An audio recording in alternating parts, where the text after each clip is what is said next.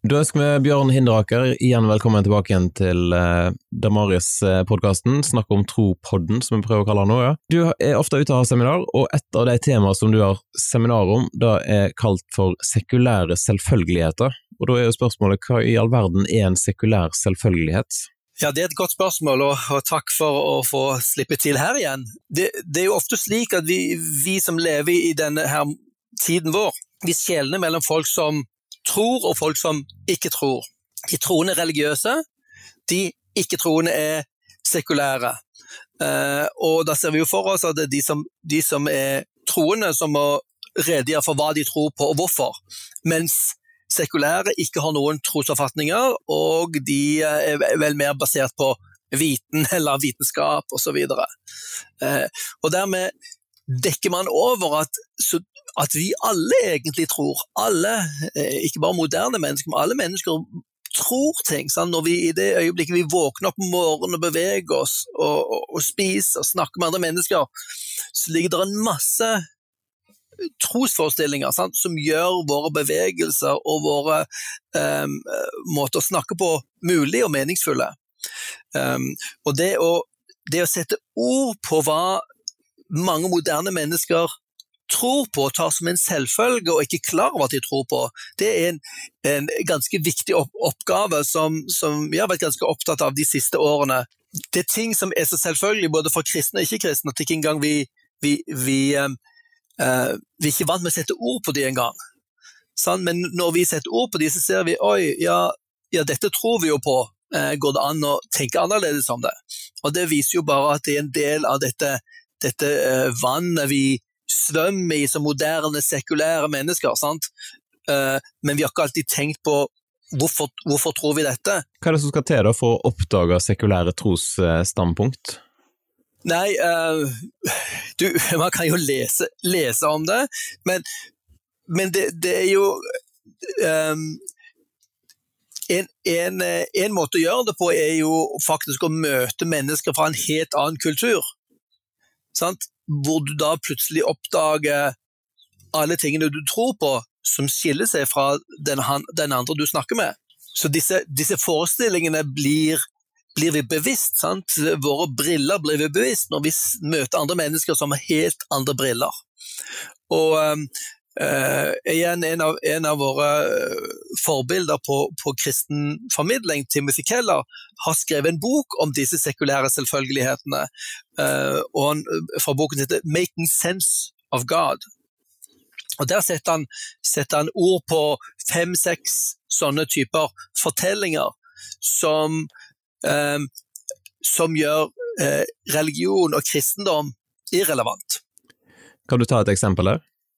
Ja, jeg, jeg, kan jo nevne de, de, uh, noen av de viktige uh, som, si, sekulære fortellingene som han, som han trekker opp her. Og, og, Poenget for han er at, at før vi oppdager disse fortellingene, så, så, får vi ikke hjulpet folk til å se relevansen av kristen tro. Um, som for eksempel, du trenger ikke tro på Gud for å ha et tilfredsstillende liv, både mening og håp. Um, at Gud er egentlig irrelevant, du kan velge han, men du klarer deg fint uten. Sant? Det er en, en, av de store uh, fortellingene og forestillingene i det, i, uh, det moderne Vesten. Eller uh, en annen fortelling at du, du, må, du må være du må kunne leve livet ditt akkurat sånn som du ønsker det, så lenge du ikke skader andre.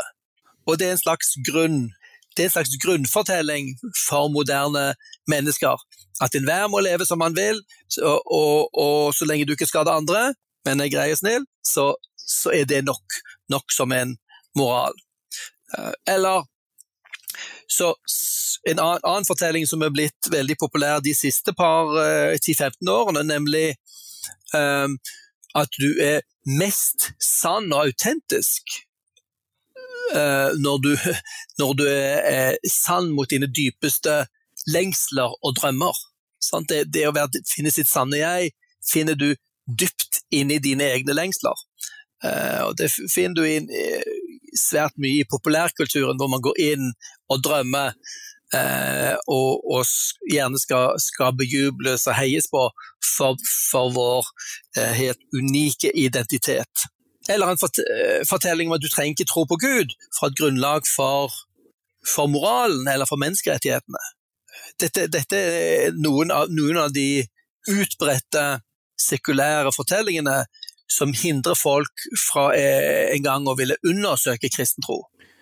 I møte med deg, da, hva er det du tenker at vi som, som kristne bør gjøre? Nei, jeg tenker, vi tenker vi for det første trenger å oppdage de, sant?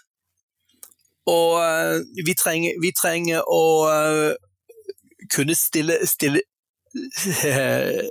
stille spørsmål til dem. sant? Ja, tror du virkelig det?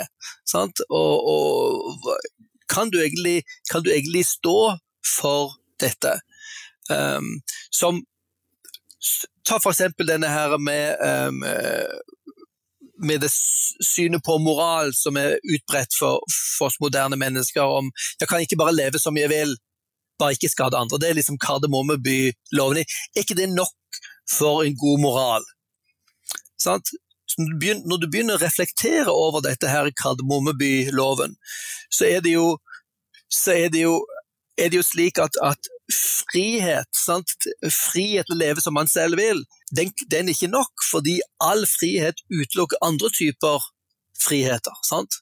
Når du gjør et valg om noe, hva du vil bli, eller hva du vil kjøpe, eller sant, hvem du vil være sammen med, så er det alltid et valg som utelukker andre typer friheter. Sant?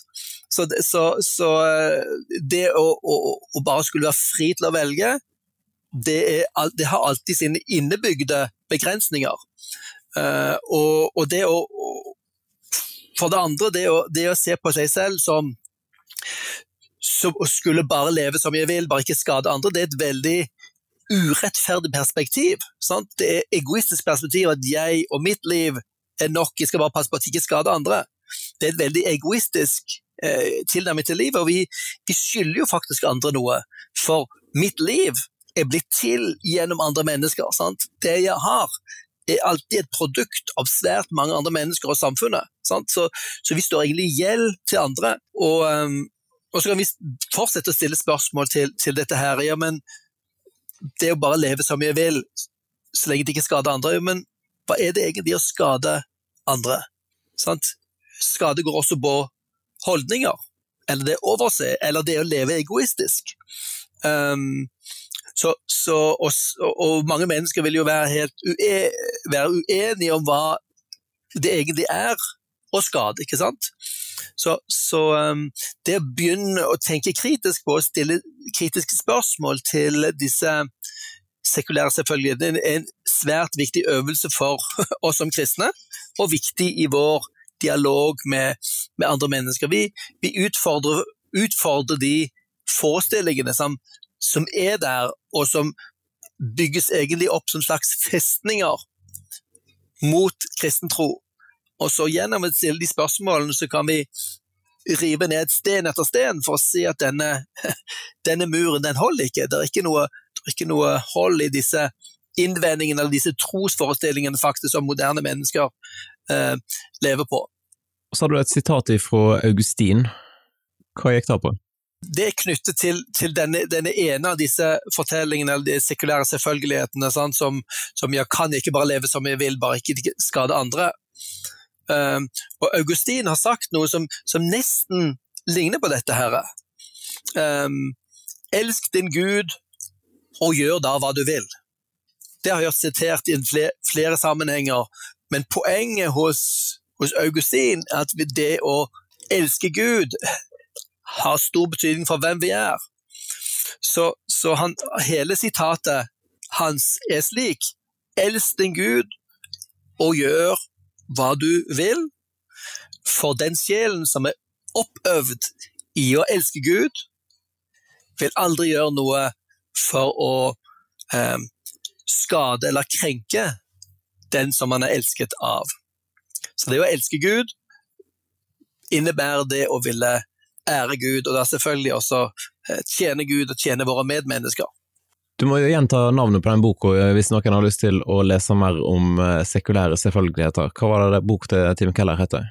Den boken til Tim Keller heter 'Making Sense of God An Invitation to the Skeptical'.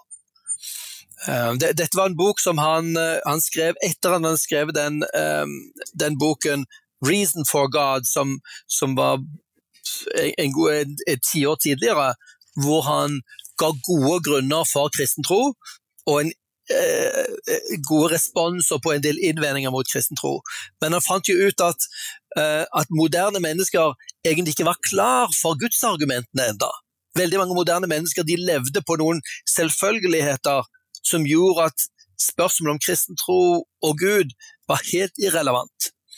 Så Derfor, som en misjonær, så tenker de at vi, må gripe fatt i disse hindringene for kristen tro for å hjelpe folk å, å nærme seg eh, nærme seg skritt for skritt og se relevansen av kristen tro først. Sant? At det i det hele tatt er relevant. Og deretter går det an å vise kristen troens troverdighet. Yes, rett og slett dagens eh, boktips der, og et tema som er viktig å eh, undersøke litt nærmere. Og hvis noen har lyst til å invitere deg på besøk, Bjørn, for å ha et seminar om dette her, hva gjør de da? Da kan de ta kontakt med deg. De kan gå igjen til sidene på Damaris eh, Norge, eller på nla.no. Der er e-postadresse til meg. Så det er kjekt å komme og besøke mennesker og, og dele ting som jeg selv har funnet hos, um, hos mennesker som jeg ser opp til. Yes.